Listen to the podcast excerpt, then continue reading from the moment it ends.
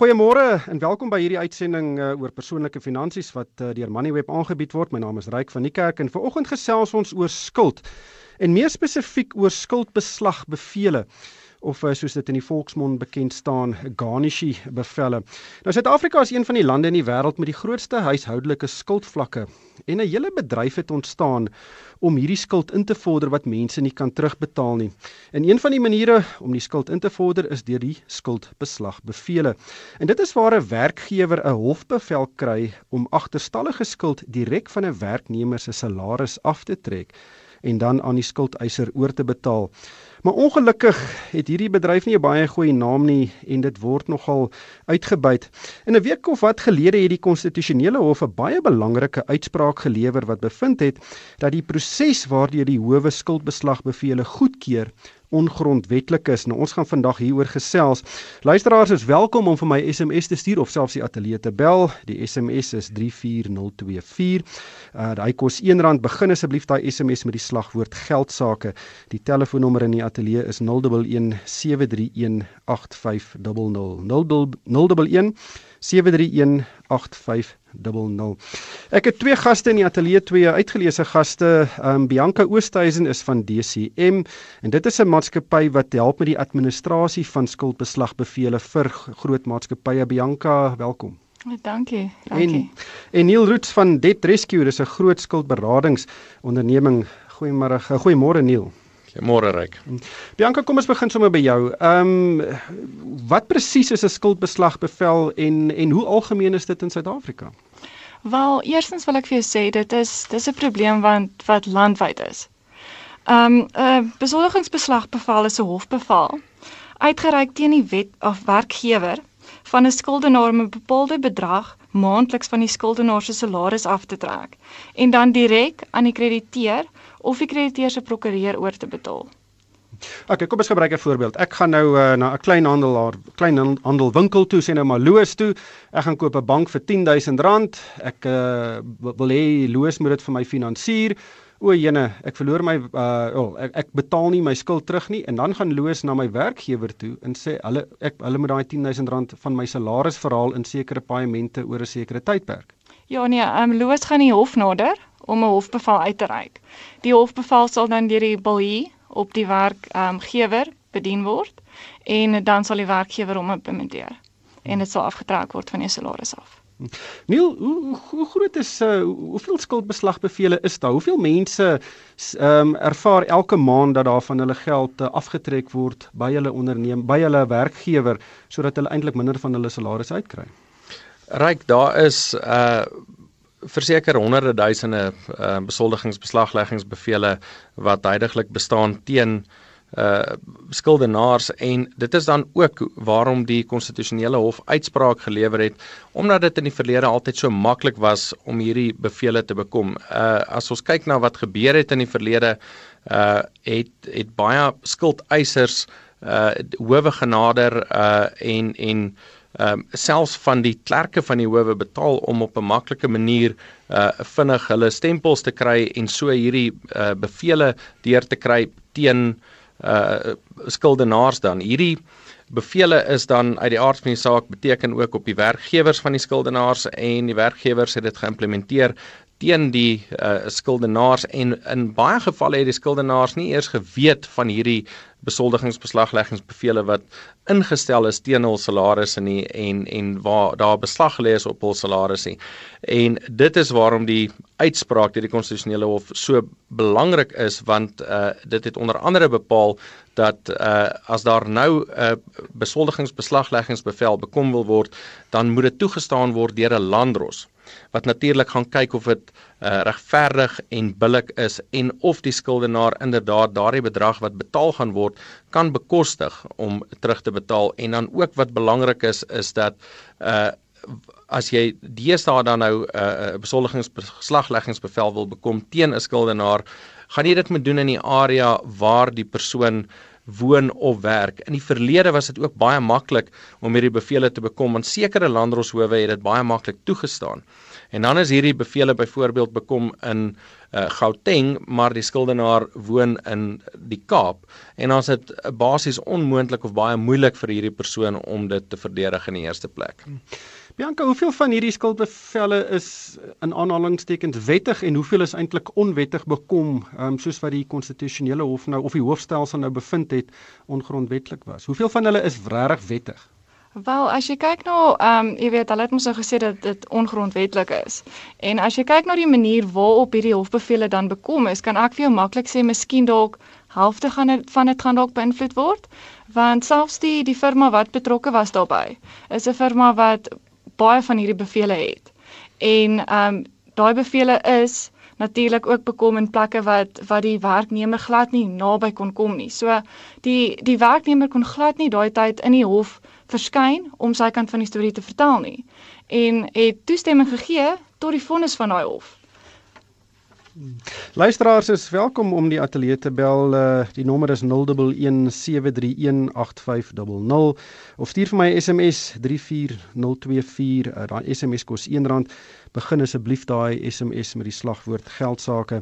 Um Neil, wie watter mense kry skuldbeslagleggingsbevelle? Is dit oorwegend um armer mense of is daar in die middelklas en en en in ryker um weet inkomste groepe ook mense wat hierdie bevelle teen hulle kry? Wel ryk dit is hoofsaaklik ongelukkig maar jou laer inkomste groep mense en die rede daarvoor is dat 'n besoldigingsbeslagleggingsbevel is 'n uh, 'n uh, basies 'n vonnis die ten uitvoerlegging van 'n vonnis. Nou daar is verskeie maniere hoe jy 'n 'n 'n vonnis kan uitvoer. Jy kan byvoorbeeld uh wel die eerste plek sal wees dat die uh vonnisskuldenaar die geld terugbetaal indien dit nie gebeur nie en daar word nie 'n reëling getref daarvoor nie en uh die die vonnisskuldenaar uh wil dit nie terugbetaal nie, dan kan daar natuurlik uh beslag gelê word op bates uh van die vonniskuldenaar en dit is natuurlik eerste prys. As mens byvoorbeeld kyk na 'n huislening uh waar daar sekuriteit bestaan in die vorm van 'n huis, dan sal 'n bank byvoorbeeld uh dadelik beslag lê op die huis want daar's waarde daarin. Ehm um, dieselfde is is die, sien ons in 'n situasie met uh, motorfinansiering waar daar 'n motor is om op beslag te lê, maar selfs met in in ander gevalle waar hierdie tipe van bates nie uh, uh betrokke is nie. Met ander woorde dit is nie gesekureerde skuld nie kan die vonnisskuldeiser nog steeds beslag lê op sekere bates van uh die vonnisskuldenaar indien daar bates is. Nou indien daar nie bates is nie, is daar niks anders waarop haar reg beslag gelê kan word anders as die salaris van die vonnis uh skuldenaar nie. So dit is dan wanneer ons sien waar waar ons die besoldigingsbeslagleggingsbevele sien voorkom en ja, ongelukkig uh kom dit daarop neer dat dit is op die op die laer inkomste groepe wat dit van toepassing is. Ons het vir Chris op die lyn uit Oos-London. Uh goeiemôre Chris, uh, vra gerus jou vraag. Goeiemôre. Ag man, ehm um, ek het in 2010 is daar so 'n beslagleggingsbevel op my bedien vir vir skuld wat wat uh, teruggaan na 2005 toe. Ehm um, ek het uh, dit was in in, in Lichtenburg op daardie stadium. Hulle het kontak met my verloor, hulle kon my nie opspoor nie. Die die bedrag wat ter sprake was was 18000. Ek het intussen tot op hede ehm um, het ek 34000 rand betaal van hierdie skuld en toe ek die prokureursfirma skakel so week gelede om uit te vind wat is nog uitstaande sê hulle het nog 24000. Ehm um, ek betaal 500 rand per maand op die skuld. Ehm um, dit kom vir my voor asof ek die res van my lewe gaan betaal aan hierdie skuld. Is dit normaal as daar hoe kan ek dit hanteer? Baie dankie Chris Bianca. Okay, wel, ehm um, eerstens ehm um, wat ek sou aanbeveel is, wat ons in hierdie gevalle doen is ons vra gewoonlik 'n uh, 'n staat aan van die rekening. Volgens wetgewing hier statutêre ehm um, en duplum reël sê dit dat jy mag nie meer ehm um, as jou kapitaal wat uitstaande is, ekskuus, wat ek net dat ek net daar weer oor begin, ekskuus. jou rente jou enige fooi wat gehef is om die lening te vat, maandelikse ehm um, kostes daarin jou um, administrasiefooie en dan ook enige um enige insurance wat op jou op daai rekening ook is mag nie meer wees as wat jou skuld was op die stadium toe jy dit ophou betaal het nie. So my ek my bank wat ek nou gekoop het vir R10000, ehm um, ek mag nie meer as R20000 terugbetaal correct, om alles ja. te delg nie. Dis korrek, maar dit sluit uit jou regskoste. Eintlik 'n wat eintlik 'n baie belangrike faktor is wat nie opgetel is met ehm um, die beslissing van laas uh, week nie. Um, As ons kyk na die huidige hofbevele, is die regskoste daaraan verbonde is is buitensporig. En met met daai saak het het die hof dit glad nie opgetel nie want die firma wat betrokke is, het 'n standaard fooi wat wat minimaal is. Maar ons kyk nou jy het um, om 'n voorbeeld te gee, jy was na 'n dokter toe. Jy skuld die dokter R400. Ehm um, jy betaal nie die rekening, jy word geoorhandig. 'n Hofbevel word uitgereik teen jou salaris en op die einde van die dag betaal jy daai R400 plus jou rente en die administrasiefooie van R400 plus dan jou raskosse wat tussen 6 en R8000 kan wees. Chris, is jy nog daar?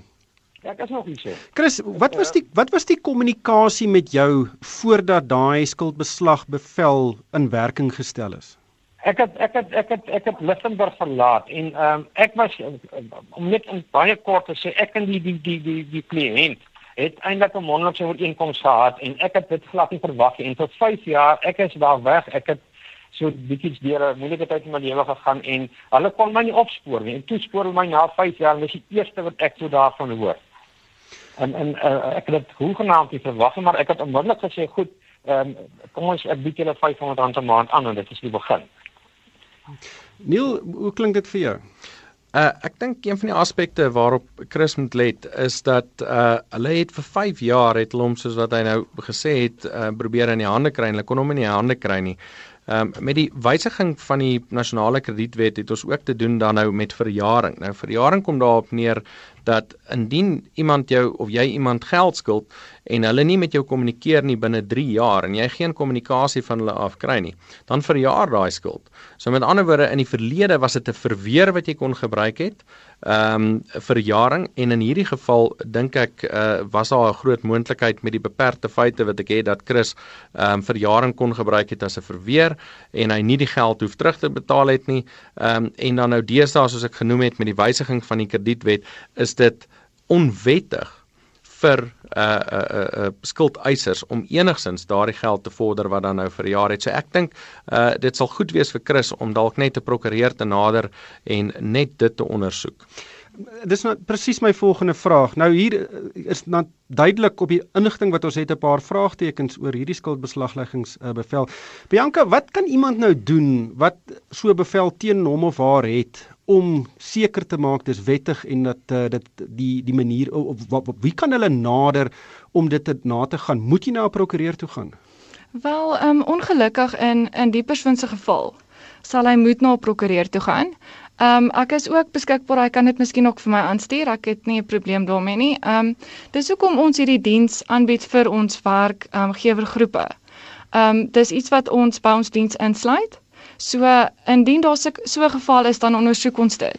So die eers, heel eerste punt wat ons sal doen is ons sal hof toe gaan om al die nodige dokumentasie daar te kry en dan sal ons begin stelselmatig kyk of al die prosesse gevolg is om wel hierdie hofbevel uitgereik te kry en of dit op die regte manier gedoen is. Hm. Ons sal jou kontak besonderhede aan die einde van die program deurgee. Hier is 'n vraag van anoniem op per SMS. Wat is die verskil tussen 'n skuldbeslag beslagleggingsbevel en 'n garnishee bevel? Neil?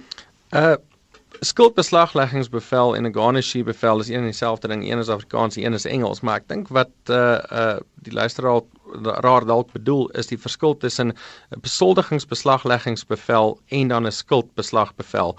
Um 'n besoldigingsbeslagleggingsbevel of 'n uh, emolument attachment order is waar dit dit laat jou toe om beslag te lê op die salaris van uh die vonnis skuldenaar en dit is waarvan ons nou die hele tyd praat en dit is ook uh wat wat uh, ter sprake was by die hof uitspraak van die konstitusionele hof verlede week.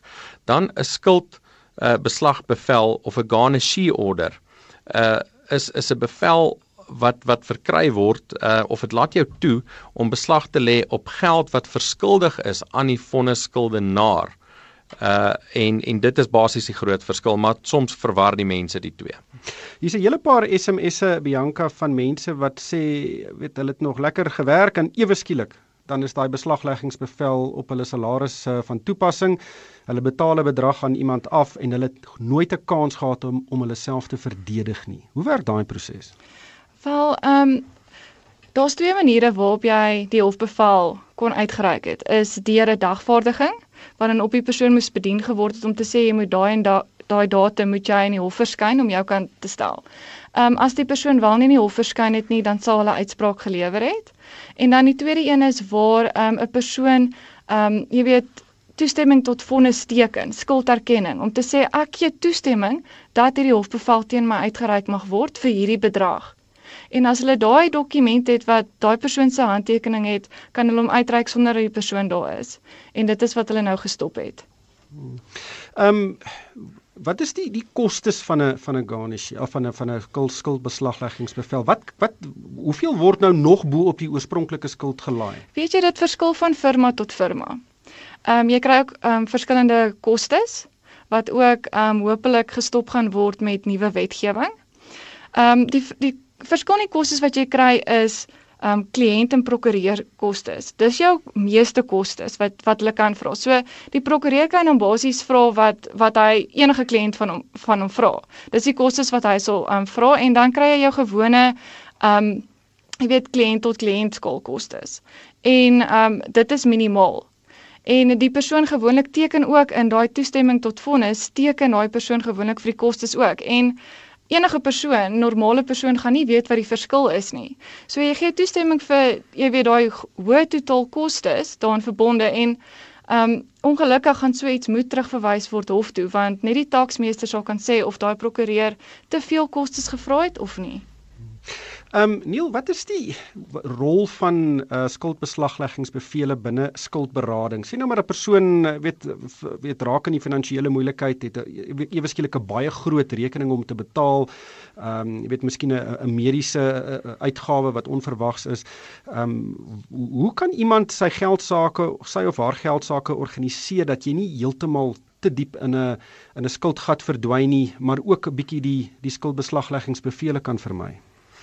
Wel, soos ons reeds voorheen eh, of of uh, vroeër bespreek het, is 'n uh, skuldbeslagleggingsbevel of 'n uh, um kom daarop neer dat 'n persoon het 'n vonnis teen hom en hy kon nie daardie geld betaal het nie. Uh daar is in Suid-Afrika is daar 'n proses wat mense help en dit is skuldberading om juis mense te help wanneer hulle alself in 'n posisie bevind waar hulle nie hul skuld kan betaal nie. So in die eerste plek moet hierdie besoldigingsbeslagbevele vermy word en dit kan gedoen word deur na 'n skuldberader toe te gaan. Wat ons aan doen as skuldberaders is ons bepaal wat is jou maandelikse inkomste, wat is jou maandelikse uitgawes en ons stel vir jou 'n nuwe herbetalingsplan op in terme waarvan jy jou skuld gaan afbetaal op 'n bekostigbare manier sonder om jou bates te verloor. So dit kom daarop neer om so gou as moontlik van die diens gebruik te maak wat daar gestel is deur die nasionale kredietwet en wat honderde duisende mense help met skuld. amper net soveel SMS'e is wat ons skryf van mense wat ontevrede is met hulle skuldbeslagleggingsbevele. Is daar 'n hele paar ook van die ondernemings wat sê dis die enigste manier wat hulle baie keer hulle skuld kan terugkry. Ehm um, hoe kan 'n onderneming verantwoordelik optree um, om volgens die wet uh daai geld van uh hulle van hulle skuld skuld van hulle debiteures uh uh weet salarisse te verhaal? Ja, ek meen um hulle het 'n reg om om hulle geld terug te kry. En um, ek dink as as dit op die regte maniere gedoen word en mens kan verseker dat die persoon wat betrokke is dit kan bekostig en dat die persoon op die einde van die dag nie daai onbillike regskoste het wat betrokke is nie. Dink ek mens um jy weet mens kan so iets um hanteer, maar ons het ons het 'n projek begin aan ons kant wat ons noem GOP wat die Garnish Order Prevention Program is.